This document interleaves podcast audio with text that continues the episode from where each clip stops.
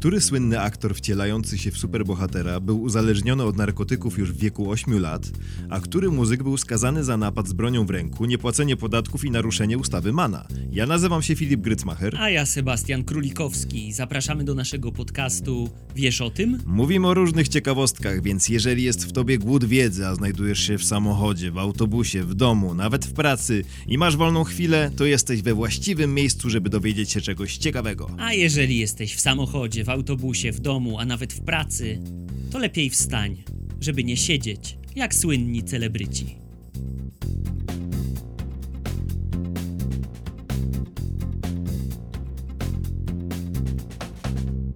Dzień dobry. Dzień dobry, dzień dobry, dzień dobry. Mamy nadzieję, że dla Was dobry. Dla nas bardzo dobry. Bardzo fajnie, bardzo słonecznie. Tak, i mamy nadzieję, że dobry i dobry, bo niektóre osoby, o których zaraz będziemy mówić, miały parę gorszych dni w swoim życiu, bo spędziły je za kratkami w więzieniu. Dokładnie tak, a będą to osoby znane, bardzo znane. Osoby z pierwszych stron gazet. Światowych gazet, tak naprawdę. Artyści, aktorzy, piosenkarze, mhm. muzycy celebryci, choć to nie jest ładne chyba określenie. No to takie bardzo tak, ogólne, powiedzmy, osób takich bardzo znanych. Mhm. E, ale zanim e, przejdziemy do tych e, celebryckich, więziennych historii, to na razie przynajmniej mniej celebryckie historie, czyli prośba o subskrybowanie nas na YouTubie, obserwowanie na Instagramie. Tak, bo jak będziecie nas obserwować, subskrybować i też udostępniać znajomym, podkręcać znajomym, no to... To możemy kiedyś też się znajdziemy za kratkami. Za kratkami. ale zanim się tam znajdziemy, to jeszcze prośba o kawkę. Tak, bajkofi.to łamane na Wiesz o tym podcast. Linka macie w opisie i na YouTubie, i na Spotify, i wszędzie. Tylko po to, żeby ten odcinek, yy, i nie tylko ten odcinek, tylko cały podcast się jakoś fajnie rozwijał. Dokładnie tak. I co? Ty zaczynasz chyba, nie? To ja tak, zaczynam tak, od y, jednego, muszę przyznać, z moich ulubionych aktorów. Mhm. Y, I mm, do którego mam bardzo ambiwalentny stosunek, bo bardzo go lubię jako aktora, ale mniej trochę lubię jako człowieka i wydaje mi się strasznie zarozumiałą osobą, ale może się mylę, bo znam go tylko z mediów. Sean Penn. O, no to jeden z moich też ulubionych. Sean Penn, y, dwa Oscary za Rzekę Tajemnic, Ojejku, Obywatel Rzeka Tajemnic to, to, mi tak po prostu rozsadziło łeb, jak oglądałem. No, no świetna rola w filmie, Sam również, no i parę... Słodki Drań, też bardzo fajny film e, tak. Woody'ego Allena, no. no. i parę świetnych ról. Zaczynał wielką karierę w latach 80., i w tychże latach 80. wziął ślub z inną wielką, chodzącą karierą, czyli z Madonną. Mhm. No ale młody, narwany, więc bardzo często y, wdawał się w bójki. I Traf chciał, że zawsze wdawał się w bójki, albo raczej bił bardzo określoną grupę zawodową, czyli paparazzi. Mhm. I w 85 roku zostaje aresztowany po tym właśnie jak zaatakował dwóch fotografów paparazzi, którzy podeszli do niego i do Madonny. Do jednego z nich powiedział wtedy: Żadnych zdjęć, zrób mi zdjęcie, a ja złamię ci kręgosłup tym kamieniem. Kręgosłupa nie złamał, e, parę razy przyłożył i został wtedy ukarany grzywną w wysokości 100 tysięcy dolarów i skazany na 90 dni e, w zawieszeniu. Chwilę później e, w nocnym klubie do Madonny podszedł David Woliński z takiej grupy popowej Rufus i potem, według LA Timesa, znalazłem taki artykuł z 1986 roku, e, Woliński powiedział, że Sean Penn oskarżył go o próbę pocałowania Madonny, no i zaraz po tym uderzył go w twarz. Ale to jedno uderzenie mu nie wystarczyło, bo potem uderzył go krzesłem, kopnął i w ogóle rzuciłby w niego tym krzesłem, gdyby inni klienci tego klubu nie interweniowali. Chwilę później Sean Penn y, wyjeżdża z Madonną do Macau. To jest y, dawna portugalska kolonia w obrębie mhm. Chin, tak, czyli tak, tak jak Hongkong był brytyjski, Macao. Bardzo takie autonomi autonomiczne tak, miasto. było mhm. portugalskie i to nie jest bez znaczenia dla tej historii. Pojechali tam kręcić film Niespodzianka z Szanghaju. No i tam Sean Penn popada w kolejne kłopoty Lionel Borallo, też paparazzi, podobno włamał się do jego pokoju hotelowego i tam Penn i jego ochroniarz po prostu chcieli zrobić z nim e, porządek. I tu jest e, dosłowny cytat, e, znalazłem go w The Sydney Morning Herald, a podobno pochodzi on z biografii Shona Pena. I powiedział on tak: My złapaliśmy faceta, czyli tego paparazzi, e, przeprowadziliśmy go przez pokój na balkon i przewiesiliśmy, w domyśle przez barierkę, na dziewiątym piętrze. Czyli tak jak na filmach takich gangsterskich, i tak dalej. Wzięli Mhm. kolesia za nogi i go po prostu wywalili za balkon. Mhm. E, I tutaj znowu cytat z Shona Pena. Pięć minut później jestem w więzieniu na kamiennej podłodze obok mojego przyjaciela i wszyscy mówią po portugalsku. Mhm. No i e, za długo się w tym więzieniu tam nie nasiedział, bo podobno drzwi celi więziennej były uchylone. Oni stamtąd uciekli, wydaje mi się, że do Hongkongu, a potem do Stanów, nie wiem. E, I Sean Penn mówi, e, tutaj e, Yahoo Sports, tam znalazłem ten cytat. Rok później otrzymałem pocztą do mojego domu ułaskawienie od rządu portugalskiego za przestępstwo, za które nigdy nie zostałem skazany, bez wyjaśnienia, ale chyba ułaskawiono mnie za ucieczkę i wszystko, co nastąpiło później. Więc upiekło mu się, ale no nie do końca, bo w 1987 roku kręci film Barwy. No i znowu tutaj za ym, pośrednictwem Los Angeles Times mamy taką informację, że kolejny raz zarobił od niego w twarz Jeffrey Klein, też chyba paparazzi. No i za to Sean Penn został skazany na 60 dni więzienia. 6 dni yy, jakby odbył ten wyrok w jednym więzieniu, a potem został przeniesiony na resztę do Los Angeles County Central, Central Jail. No i tu jest taki bardzo, to nie jest może punkt zwrotny, ale bardzo fascynujący dla mnie element tej historii, bo mamy znanego już wtedy hollywoodzkiego aktora, lata 80. Ten hollywoodzki aktor jest w więzieniu, a kilka cel dalej w tym samym więzieniu jest Richard Ramirez. Nie wiem, czy kojarzysz kolesia. Morderca, tak? To... Seryjny Mhm. morderca, nazywany przez prasę Nocny Łowca. Świetny Mhm. dokument czteroodcinkowy na Netflixie, jest gorąco polecam. No to był taki, jak e, tam paru tych seryjnych morderców znam z książek, z filmów, to ten był najbardziej popieprzony zdecydowanie. Mhm. No i on sobie spokojnie siedział kilka cel dalej obok Shona Pena i jak się okazało był jego wielbicielem. I wysłał mu przez strażników liścik. Czyli I w tym, tak, w liściku była taka informacja. Hej Sean, bądź twardy i uderz w nich ponownie. Richard Ramirez 666 i na tym grypsie pentagram i wizerunek diabła. Y, Sean Mhm. Penn mu potem odpisał, nie wiem y, czy odpisał, czy jakoś odpowiedział dosłownie, że jakby nie czuje z tobą żadnej więzi i no tak parafrazując, mam nadzieję, że niedługo cię zagazują. Mhm.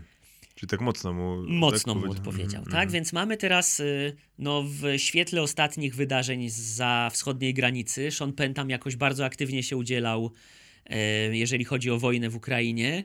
Tak, doku, dokument y, Nawet kręcił, no. e, zapowiedział, że jeżeli Zełęński nie będzie mógł wystąpić podczas Oscarów, to odda swojego Oscara, czy tam dwa Oscary, ale chyba z tego co wiem ich nie oddał. Chyba tego jednak nie było, więc no... Tak, ale mamy teraz człowieka takiego mocno zaangażowanego społecznie, politycznie, Mhm. a no widzimy jak to wyglądało, jak zaczynał. No tak. No ja mam też aktora i też y, takiego, takiego, który dzisiaj jest y, no, w ścisłym topie w ogóle, jeśli chodzi o popularność, jeśli chodzi o zarobki w Hollywood, y, a też właśnie kiedyś y, było o nim, bywało o nim głośno w y, też bardzo złym kontekście. Mm, Miał taki fragment swojego życia. Robert Downey Jr. No, Iron Man. Iron dla Man, większości tak. Tony Stark, właśnie Iron Man, czy Sherlock Holmes też, tak? To w też. sumie takie jego najsłynniejsze role dzisiaj chyba, takie bardzo e, kasowe. No i właśnie, to tak ciekawe, że jako Sherlock Holmes rozgryzał zagadki kryminalne, tak? Że raczej był po stronie prawa, a sam e, z tym prawem miał kiedyś e, problemy. Miał taką przyszłość nieco kryminalną. I tak jakby nakreślając pokrótce jego historię, on pochodził z artystycznej rodziny. Jego mama Elsie była piosenkarką i tancerką, a ojciec Robert senior był reżyserem i właśnie od małego mały Robert, mały Robert Junior występował w filmach właśnie swojego ojca. Mm, kiedy podrósł, no to zaliczył parę wyjątkowych ról. Dla mnie taka jedna z no, najciekawszych i najważniejszych, myślę, jego ról to tytułowa rola w filmie Chaplin, gdzie wcielił się właśnie w legendę Charlie'ego Chaplina i dla mnie zagrał naprawdę super. Był zresztą nominowany do Oscara za, za ten film. E, zwyciężył wtedy Al Pacino za film Zapach kobiety, więc powiedzmy, że mm, no właśnie, jakbyś mógł tutaj dźwięk wyłączyć, bo znowu ci zadzwoniło, nie? Poprzednio to był twój. Nie, nie. Mój tylko Aha. wibrował. E, tak, no w każdym razie Downey Jr. nie dostał Oscara, bo Al Pacino za Zapach kobiety dostał, no więc powiedzmy, że nie ma wstydu przegrać z takim e, rywalem w tej gonitwie. No ale właśnie po różnych sukcesach mm, zaczął mieć też coraz większe problemy z narkotykami.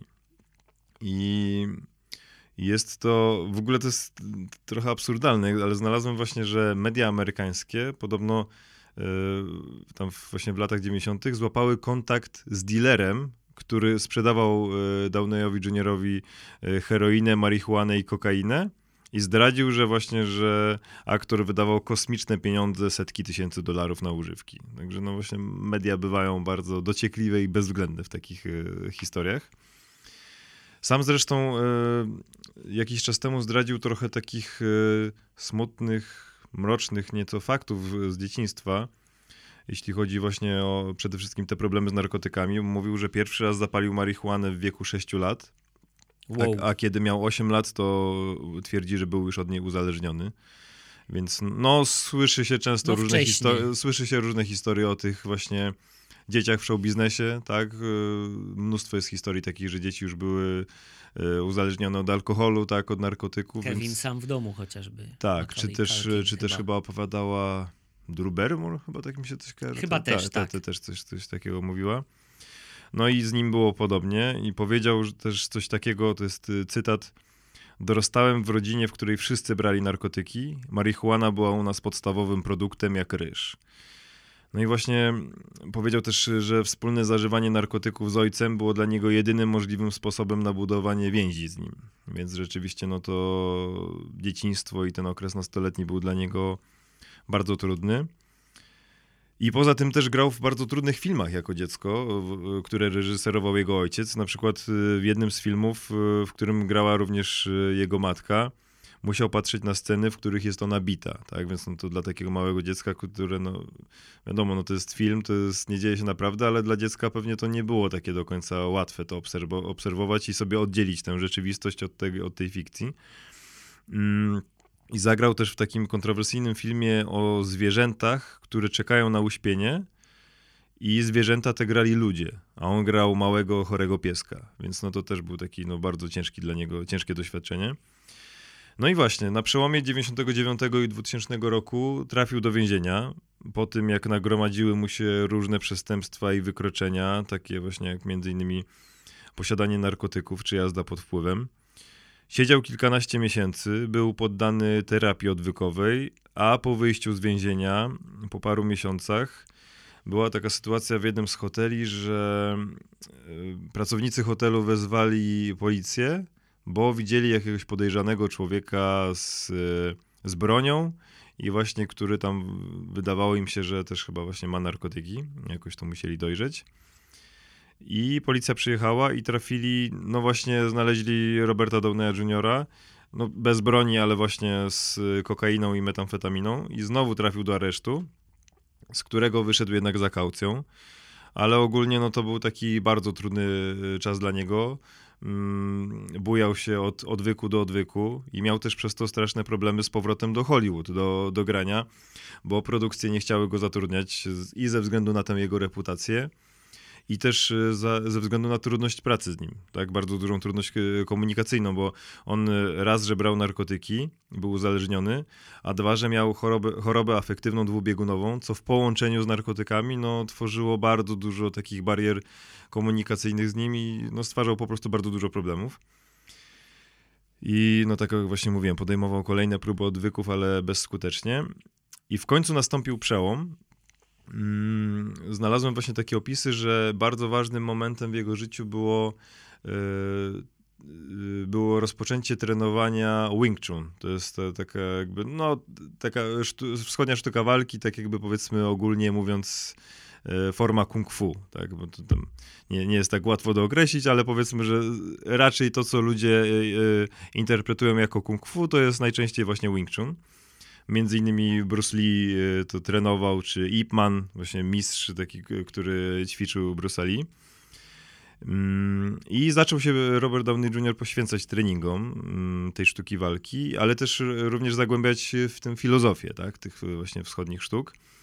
Więc gdzieś tam pewnie się troszkę uspokajał, tonował i odchodził właśnie od używek.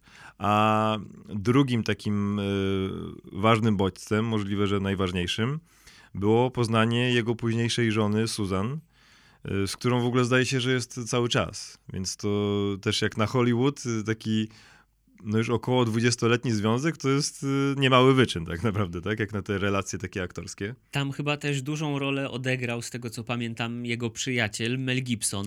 Tak, tak. Że mhm. on do niego wyciągnął jakąś rękę i tak się starał, żeby to Hollywood go znowu przyjęło mhm. i żeby dostał jakieś takie większe i znaczące role. Tak, tak, tak, tak. Tam rzeczywiście było coś takiego, czytałem, że pomagał mu właśnie w, przy niektórych produkcjach, żeby go zatrudniali, tak? Więc to też na pewno było ważne. No ale w każdym razie e, no, związał się z żoną, podobno bardzo się zakochał i było to dla, był to dla niego bardzo ważny bodziec, żeby wziąć się za siebie. No i dzisiaj twierdzi, że jest czysty od 20 lat, więc tak mniej więcej właśnie od e, plus minus 2003 roku. I jedynie, jedyna używka, którą stosuje, to jest kofeina. Ale no już wszystkie te takie skrajnie niebezpieczne wykluczył. I jeszcze taka jedna e, rzecz e, odnośnie właśnie jakby tak podsumowania tego, tych problemów jego i tego, z czym się zmagał przez właśnie mm, kawał swojego życia od dzieciństwa, to w filmie dokumentalnym, e, który był, zdaje się, film był o jego ojcu, tak? O jego był, ojcu, tak, był tak. skoncentrowany na jego ojcu, ale on też właśnie pojawił się i powiedział a propos tego wspólnego zażywania narkotyków z ojcem w młodości, Mm, powiedział: Czułem wtedy, że tata próbuje wyrazić miłość do mnie w jedyny znany mu sposób.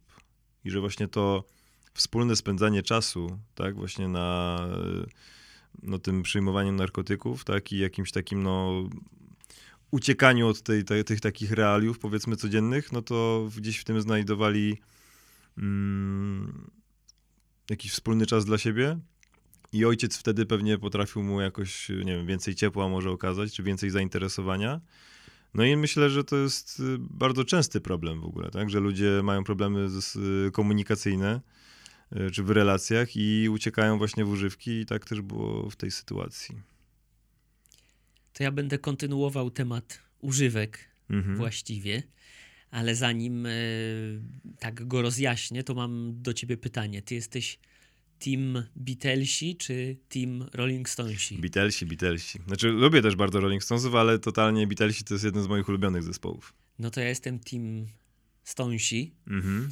ale będę mówił o jednym z Beatlesów. Mhm. I dlaczego o to pytam? Bo kiedyś czytałem biografię Kita Richardsa, który e, tam opowiadał o swoich przygodach narkotykowych z Johnem Lennonem mhm. i go trochę wyśmiewał, że on jest taki miękki, jeżeli chodzi o branie tych na twardych narkotyków. Że Lennon jest miękki, tak, tak? że w porównaniu do niego to to tam... No bo chyba rzeczywiście Beatlesi przy Stonesach to nie byli aż tacy szaleni pod tym względem, No, no? i dlatego do tego dążę, bo mhm. jeżeli chodzi właśnie o Beatlesów, to absolutnie nie kojarzą mi się oni w ogóle z tematem narkotyków. Bardziej z psychodelicznymi może, już w tym takim późniejszym okresie Lucy in the Sky with Diamonds i tak dalej. Tak, nie? w ogóle z żadnymi używkami, z, ża no, z żadnym szaleństwem absolutnie. Raczej widzę czterech grzecznych chłopców w garniturach. A, potem to oni też swoje poszaleli. No ale no. dobra, w każdym razie Paul McCartney już w ogóle mi się nie kojarzy z żadnymi wyskokami, mhm. ale miał pewien wyskok. Na lotnisku Narita w Tokio w 1980 roku. To była pierwsza wizyta w Japonii jego od czasów Beatlesów, czyli od 1966 roku. E, on miał wtedy ten zespół Wings. Tak, tak, Już tak. była zaplanowana trasa koncertowa, 11 miast, Natomiast zamiast tych 11 miast, jego wizyta w Japonii ograniczyła się do 9 dni spędzonych w tokijskim areszcie narkotykowym. Dlaczego? Otóż miał w swoim bagażu prawie pół funta marihuany. Wiesz, ile to jest pół funta? Bo musiałem sprawdzić. Właśnie nie pamiętam dokładnie, funt to jest jakoś pół kilo, nie? 0,7? No, miał 225 gram okay, przy sobie. Okej, okay. no to, to, to nie jest to mało. Sporo nawet, no. Yy, ale zapewnił japońskie władze, że to było przeznaczone w ogóle na własny użytek i żeby się go nie czepiali. No ale jak wozisz tyle towaru do obcego kraju, no to jednak, nie wiem, jest to dziwne, żeby cię tam jakoś super ułaskawili. No tak. Chyba, że jesteś Polem McCartneyem. Mhm. Więc został oskarżony o przemyt i potencjalnie mógł spędzić w tym więzieniu około 7 lat. A było to bardzo dziwne w ogóle, to wszystko, co się wydarzyło potem, bo podobno Japonia ma bardzo rygorystyczne przepisy i bardzo rygorystycznie je egzekwuje, jeżeli chodzi o właśnie takie rzeczy antynarkotykowe. Ale McCartney po tych dziewięciu dniach został zwolniony i znalazłem taką informację, szybko deportowany z Japonii. Mhm. Więc chyba bardzo zależało tym władzom, żeby nie robić skandalu, tylko żeby go szybko wyrzucić z tego kraju, żeby tam nie było żadnego smrodu, nic się nie ciągnęło. Więc ta trasa się nie odbyła. I w 2004 on powiedział tak. Mieliśmy lecieć do Japonii i wiedziałem, że nie będę tam mógł kupić niczego do palenia. To było zbyt dobre, by spuścić to w toalecie, więc pomyślałem, że wezmę to ze sobą. No to taka króciutka historia. E, w ogóle się tego po nim nie spodziewałem. No ja... Gdyby to był Keith Richards, rozumiem. Chyba tam e, Ron Wood też nie stronił. No, na pewno. E, I to mocno. No, Jagger też na pewno. Tak, Swoje... natomiast McCartney to jest no nie wiem, to jest ostatnia osoba, która mi przyszła do głowy, że będzie posiadała przy sobie taką ilość marihuany. Z McCartneyem też była taka Bo sytuacja... chyba y, napomknąłem, że to była marihuana. Chyba tak. Tak, tak, tak, tak. tak. Okej. Okay. Mm, z McCartneyem też była taka sytuacja, mm, to w tym filmie dokumentalnym o Beatlesach y, na Netflixie też właśnie mm, wspominali to, y, to zdarzenie. Mniej więcej to chodziło o to, że on powiedział jakiemuś dziennikarzowi takiemu w miarę znajomemu chyba, ten dziennikarz go spytał, czy zażywał y, LSD i on mu powiedział, że tak, ale to miała być rzekomo rozmowa taka prywatna między nimi. I ten dziennikarz y, napisał o tym, właśnie, że McCartney przyznał się, że brał LSD. I był taki wywiad potem już gdzieś w telewizji chyba, w którym było nagranie i on właśnie tłumaczył, że no, że tak, że rzeczywiście go spytał, że to była prywatna rozmowa i spytał go, czy brał LSD i, on tak powiedział coś takiego i miałem do wyboru albo skłamać i powiedzieć, że nie, albo powiedzieć prawdę. No i powiedziałem prawdę. A z faktu, że to było mm, no właśnie, to, że to była prywatna rozmowa, która miała nie wyjść publicznie, to odpowiedzialność w zasadzie y, uważam, że ponosi ten dziennikarz za to, że te słowa się rozeszły i że ludzie się o tym dowiedzieli, a nie ja za to, że powiedziałem, tak? Więc to też była dosyć ciekawa koncepcja w ogóle właśnie też jakby tej sprawy w ogóle, nie? Ale no powiedzmy, no, jednak to byli rockmeni wszyscy, tak? Jacy, bo oni tam nie byli może bardziej grzecznie y, też postrzegani, tak jak mówisz, Beatlesi, no to jednak y, mm, powiedzmy opinia publiczna nie, chyba nie robiła z tego jakiegoś wielkiego takiego szumu, że no, któryś z rockmenów przyznał się, że brał narkotyki, tak? No, takie myślę, czy takie. Że... No. To było dosyć oczywiste, że oni wszyscy biorą. Zwłaszcza, że to była no, końcówka lat 60., no to, to był w ogóle złoty czas właśnie tych narkotyków, zwłaszcza tych takich psychodelicznych, tak? To były, no, no opowiadaliśmy zresztą w odcinku o muzyce. O muzyce. O muzyce i o, rewolu- o kontrrewolucji, tak? Jak to tam się wtedy działo w tych czasach hipisowskich. No ale dobra, ale zaczęliśmy, ty zacząłeś o muzyku. Ja teraz przejdę do, do kolejnego muzyka.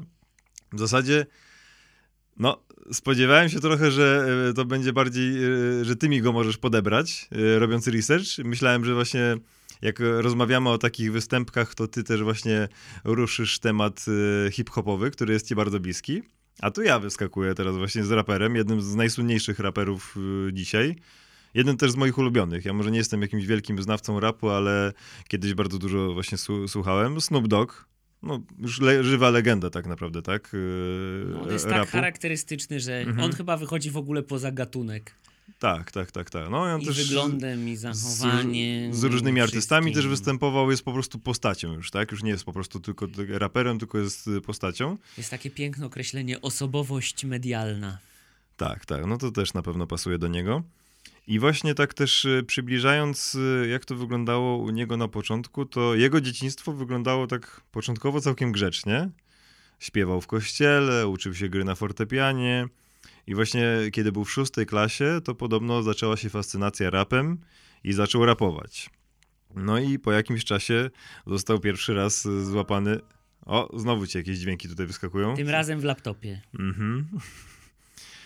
I po jakimś czasie został pierwszy raz aresztowany za narkotyki. No ale to był tak naprawdę początek jego konfliktów z prawem, bo potem to się dopiero działo.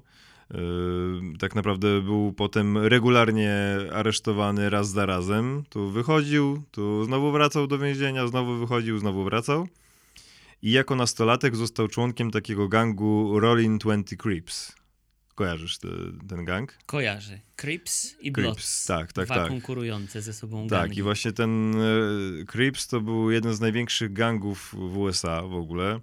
I oni w swoich początkach zajmowali się raczej no, kradzieżami, tak, jakimiś tam rabunkami, napadami i tak dalej, ale później się rozwinęli bardzo potężnie i handel narkotykami w ich wykonaniu osiągnął gigantyczny poziom. Mieli wpływy z, właśnie z handlu narkotykami już na poziomie setek milionów dolarów, więc to już rzeczywiście no, już to przybrało mm, formę taki, no, taki ala mafijny powiedzmy, tak? To już była w zasadzie taka właśnie duża mafia. E, w szczytowym momencie mieli około 30 tysięcy członków, więc no to jest jakaś zatrważająca liczba, jak na taką grupę przestępczą. No i tak jak właśnie wspominałeś, ich wielkimi wrogami była grupa Bloods.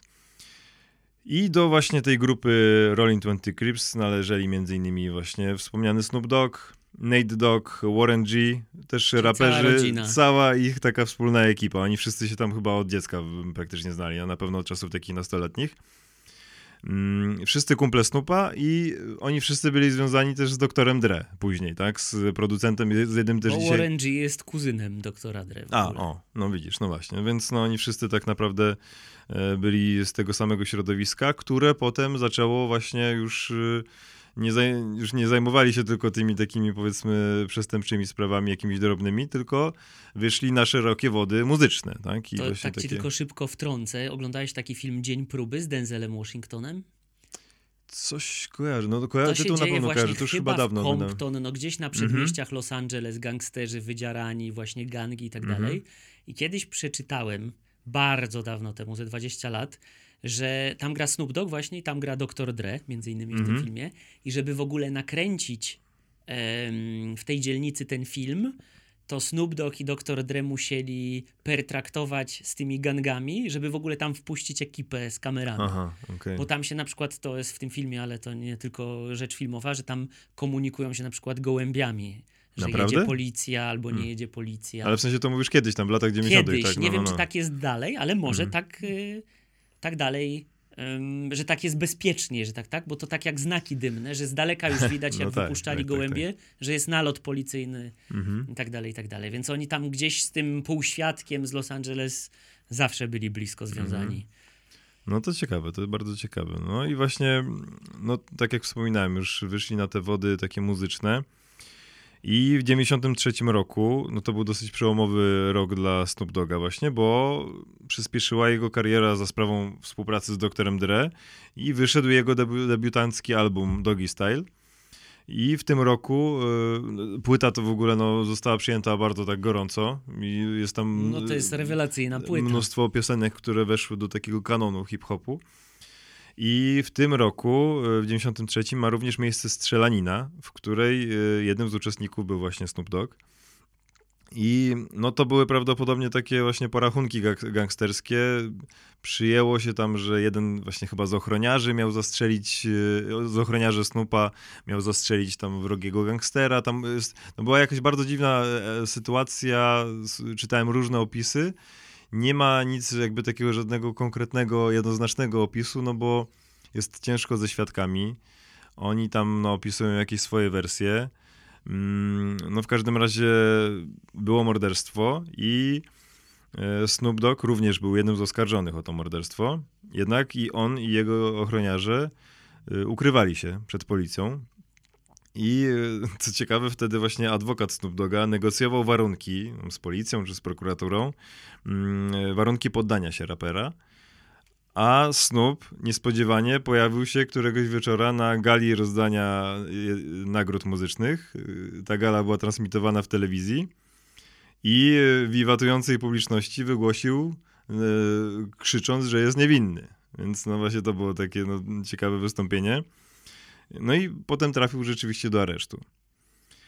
Oczywiście, no, przez te wszystkie wydarzenia, przez cały ten szum, no, ten jego debiutancki album robił furorę na rynku, tak? I właśnie już y, się ta płyta rozeszła w milionach egzemplarzy, więc no, tutaj ten event, y, powiedzmy, który ma się kręcić wokół gwiazdy, zadziałał bardzo mocno na y, napędzenie sprzedaży. No i wtedy też już zaczęło się pojawiać wiele głosów krytycznych ze strony różnych środowisk, że ten tak zwany gangsterski rap promuje nienawiść, agresję i niebezpieczne zachowanie, zwłaszcza wśród młodzieży, która właśnie te, wtedy coraz y, y, chętniej słuchała rapu i gdzieś tam się też miała wzorować na tych swoich idolach.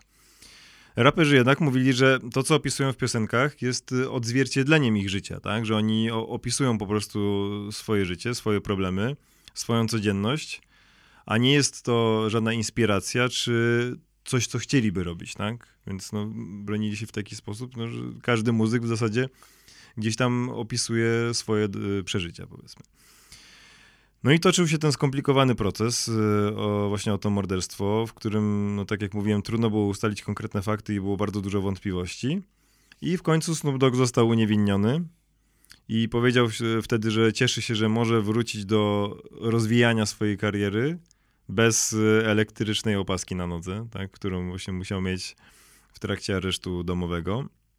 I właśnie co ciekawe, y, rodzina tego zabitego nie pogodziła się z tym i domagała się dalej odszkodowania, jednak rozstrzygnięto to podobno na poza y, jakoś pozasądownie, poufnie, więc no to chyba znaczy, że jakieś pieniądze chyba tam ci ludzie musieli otrzymać. Więc skoro tam jakieś pieniądze otrzymali od właśnie tutaj tych rzekomych sprawców, to trochę jakby ci rzekomi sprawcy gdzieś tam trochę się poczuwali do jakiejś odpowiedzialności, tak, czy do jakiejś winy. Więc no to, to bardzo ciekawe w tym, w tym życiorysie Snoop Doga, no a potem już wiemy, że no, kariera się dalej rozwijała i dzisiaj no, jest na cały czas, nawet nie, nieważne czy wydaje nowe piosenki czy nie, no to jest na całkowitym szczycie, tak, takim hip-hopowym. No zdecydowanie, tak jak mówiłem, jest też osobowością mm -hmm. i mhm. niedawno był zresztą taki artykuł o nim, że y, ma IQ 147. Hmm. E, więc y, dosyć sporo, to już chyba blisko geniusza wręcz. Mm -hmm, Geniuszem tak. muzyki, jak dla mnie na pewno jest. Tak. A tych raperów skazanych na więzienie było masę. O, no ja myślałem przez chwilę, żeby przygotować coś o Tupaku mm -hmm. albo o DMX-ie, obydwaj mm -hmm. świętej pamięci już ale było ich dużo, dużo, dużo No to więcej. działo się w latach 90., zwłaszcza chyba, nie? 80., 90. to bardzo dużo było i strzelanin, tak? tak? I tej rywalizacji takiej właśnie na poziomie takim nie artystycznym, tylko gangsterskim. Tak gangsterskim tak, no, po no, prostu. Tak, tak, tak. tak. Yy, no dobra, to ja kontynuuję muzykę. Mhm. Mam gwiazdę mi dobrze znaną. Miałem nawet kiedyś kasetę jeszcze. E, jeden z ukochanych chyba piosenkarzy i muzyków mojego dziadka, mhm. Chuck Berry. Oj, no pewnie, no to też jeden z moich ulubionych gitarzystów. No. Tak, mhm. i właśnie Keith Richards kiedyś powiedział, że no to jeden z najwybitniejszych gitarzystów, jakiego, no, zdecydowanie. jeden miał z... ocho, y, y, okazję oglądać. Jeden z ważniejszych w ogóle też dla samej gitary w ogóle. No i on jest też uważany za jednego z takich, no nie wiem, czy założycieli rock'n'rolla. No, no na jednego, jednego z ojców rock'n'rolla jed, na pewno. Je, mhm. był jednym z pionierów, ale też swoje miał za uszami. Mhm. W wieku 18 lat, wspólnie chyba z jakimiś kolegami, dokonali trzech napadów z bronią w ręku na trzy sklepy wynalazłem taką informację, że podobno był to e, sklep piekarza, fryzjer i sklep odzieżowy. E, ta broń podobno była jakaś tam lewa i to właściwie chyba nie działała. No ale w każdym razie z nią na, napadli na te trzy sklepy. Potem podobno zepsuł im się samochód, więc zatrzymali jakiś na stopa przejeżdżający i tam facetowi też grozili bronią. Y, przejechali zaledwie 10 mil, zanim zatrzymała ich policja, no i zostali aresztowani. Wtedy on ma 18 lat. Jest to jego pierwszy wyrok. Zostaje skazany na 10 lat więzienia. Odsiaduje 3 w zakładzie poprawczym dla młodych mężczyzn. Wychodzi z tego więzienia, no i powoli, powoli rozwija się jego muzyczna kariera. 1955 rok to jest m.in. piosenka Maybelline, 56 Rollover Beethoven, Mhm. 58 Johnny B. Good. No to chyba największy hit w ogóle. Jeden, jeden z największych hitów w ogóle w historii muzyki. Tak. A w 59 kolejny hit i kolejne aresztowanie. Mhm. Zostaje aresztowany w Missouri, e, w mieście St. Louis e, i spędza 20 miesięcy w więzieniu federalnym po tym, jak naruszył ustawę Mana. Mhm. No i teraz czym jest ustawa Mana? Nazywa się ona po angielsku The White Slave Traffic Act, czyli wiem, ustawa o handlu białymi niewolnikami, mniej więcej. Jest to takie prawo ustanowione w 1910 roku yy, i prawo to uznaje za przestępstwo angażowanie się w międzystanowy lub zagraniczny transport handlowy jakiejkolwiek kobiety lub dziewczyny w celu prostytucji lub rozpusty lub w jakimkolwiek innym niemoralnym celu. Dosłowny cytat. Mhm. No i e, w jego przypadku te zarzuty dotyczą e, 14-letniej Janice Escalanti, która e, była rdzenną Amerykanką, wywodziła się z plemienia Apaczów. On ją poznał w Juarez w Meksyku i stamtąd, no właśnie, wywiózł to nie jest dobre słowo. E, zaproponował jej pracę w jego e, klubie, właśnie w Barry's Club Bandstand w St. Louis. Ona pojechała z tego Meksyku z nim. On, tak jak powiedziałem, rzekomo y, zaproponował jej pracę, ale ona powiedziała w, w St. Louis policji już zupełnie inną historię. No i on zostaje aresztowany i, tak jak powiedziałem, spędza 20 miesięcy w więzieniu federalnym. I między innymi znalazłem taką dosyć ciekawą informację dla fanów filmów, że w trakcie tego wyroku pisze piosenkę You Never Can Tell, O, no to też jeden z większych hitów. którą kojarzycie być może z filmu Pulp, Pulp Fiction, Fiction, gdzie mhm. John Travolta tańczy z Umą Thurman. No, słynny, jedna z najsłynniejszych scen w ogóle tanecznych. Mm. Tak, no i właśnie ta piosenka powstała w trakcie odsiadywania tego wyroku. No i to jest drugi wyrok na jego koncie, ale ma jeszcze trzeci e, za zupełnie inną rzecz. E, mianowicie w latach 70. już e, wielkie nazwisko, wielka kariera. On często podróżuje, ma trasy koncertowe, ale te trasy koncertowe, przypominam lata 70., często są opłacane gotówką. Nie ma żadnych poświadczeń, wykazów. I on po prostu nie płaci podatków. Mhm. I Urząd Skarbowy oskarża go właśnie od uchyla, o uchylanie się od płacenia podatków i dostaje w związku z tym e, wyrok. Tutaj on się przyznał, że nie odprowadził około 110 tysięcy dolarów podatku, całkiem sporo. Em, I został skazany na 4 miesiące więzienia. Nie wiem, czy je odsiedział. Nie Mhm. sprawdziłem albo nie znalazłem. 1000 godzin prac społecznych, a także wykonywanie koncertów charytatywnych. Mhm. No to ciekawe. Koncerty charytatywne to jest w sensie, że narzucenie przez sąd, no to to jest bardzo No, ciekawe. Tak, no taką informację znalazłem. Wiemy, że słuchajcie, my niestety nie mamy takiej, że tak powiem, możliwości sprawdzania 10 książek. Mhm. Czasami jest okazja, żeby sprawdzić jedną, dwie. Głównie opieramy się na internecie, Tak. ale y, tutaj podkreślam, że jak sprawdzamy jakąś informację, to zazwyczaj szukamy z 10 różnych Tak, stron. tak, z różnych źródeł. A jak jest więcej, no to podajemy, że jedne źródła mówią tak, drugie tak. W każdym razie to, co mnie mega zainteresowało, właśnie te koncerty charytatywne. Mhm. Ja mam jeszcze taką ciekawostkę mm, krótką o innym y, wybitnym gitarzyście, jednym z najwybitniejszych, y, ale to tak naprawdę y, krótko na koniec. Mm, Jimi Hendrix był w młodości oskarżony o kradzieże samochodów, między innymi, i żeby uniknąć więzie, więzienia, poszedł do wojska. A i to mówię a propos, e, tutaj niedawno było takie oświadczenie Macieja Maleńczuka w ogóle, e, że e, podobno jeszcze chyba za komuny, mm, nie chciał iść do wojska, więc poszedł do więzienia. więc taka w ogóle odwrotna sytuacja, że Hendrix nie chciał iść do więzienia, więc poszedł do wojska, Maleńczuk nie chciał iść do wojska, więc trafił do więzienia. No ale sytuacja tak. polityczna była skrajnie różna, więc. Tak, tak. Zupełnie oczywiście inne warunki, ale no właśnie takie ciekawe też sytuacje z życiorysów innych, innych artystów. No, no tego jest mnóstwo. Tak Słuchajcie, tak naprawdę, no, no, tam przynajmniej z 50 osób znaleźliśmy. Mhm. Aktorów, raperów, producentów muzycznych. Pewnie można by zrobić w ogóle oddzielny podcast o problemach e, znanych osób z prawem.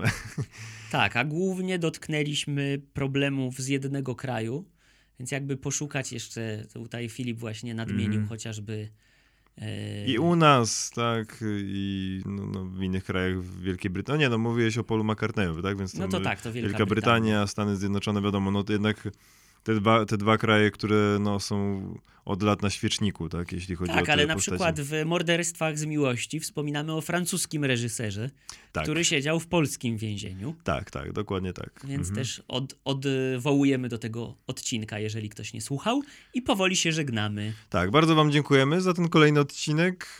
Zapraszamy do następnego i do wszystkich następnych, których nie słuchaliście, albo może słucha chcecie posłuchać kolejny, wszystkie poprzednie. Na przykład ktoś napisał do nas ostatnio, że odcinek o polskich gangsterach w Ameryce już wysłuchał trzy razy i chyba wysłucha po raz czwarty. tak, tak, tak, tak. No bardzo się cieszymy. Rzeczywiście to jest też chyba jeden z naszych ulubionych odcinków w ogóle, który nagrywaliśmy. Yy, no także zapraszamy i dziękujemy wam. Zapraszamy no oczywiście na koniec subskrybowanie, obserwowanie i do wpłacania bajkofi.to. Tutaj link macie yy, pod spodem. Mhm. I do usłyszenia. Dziękujemy wam bardzo. Cześć.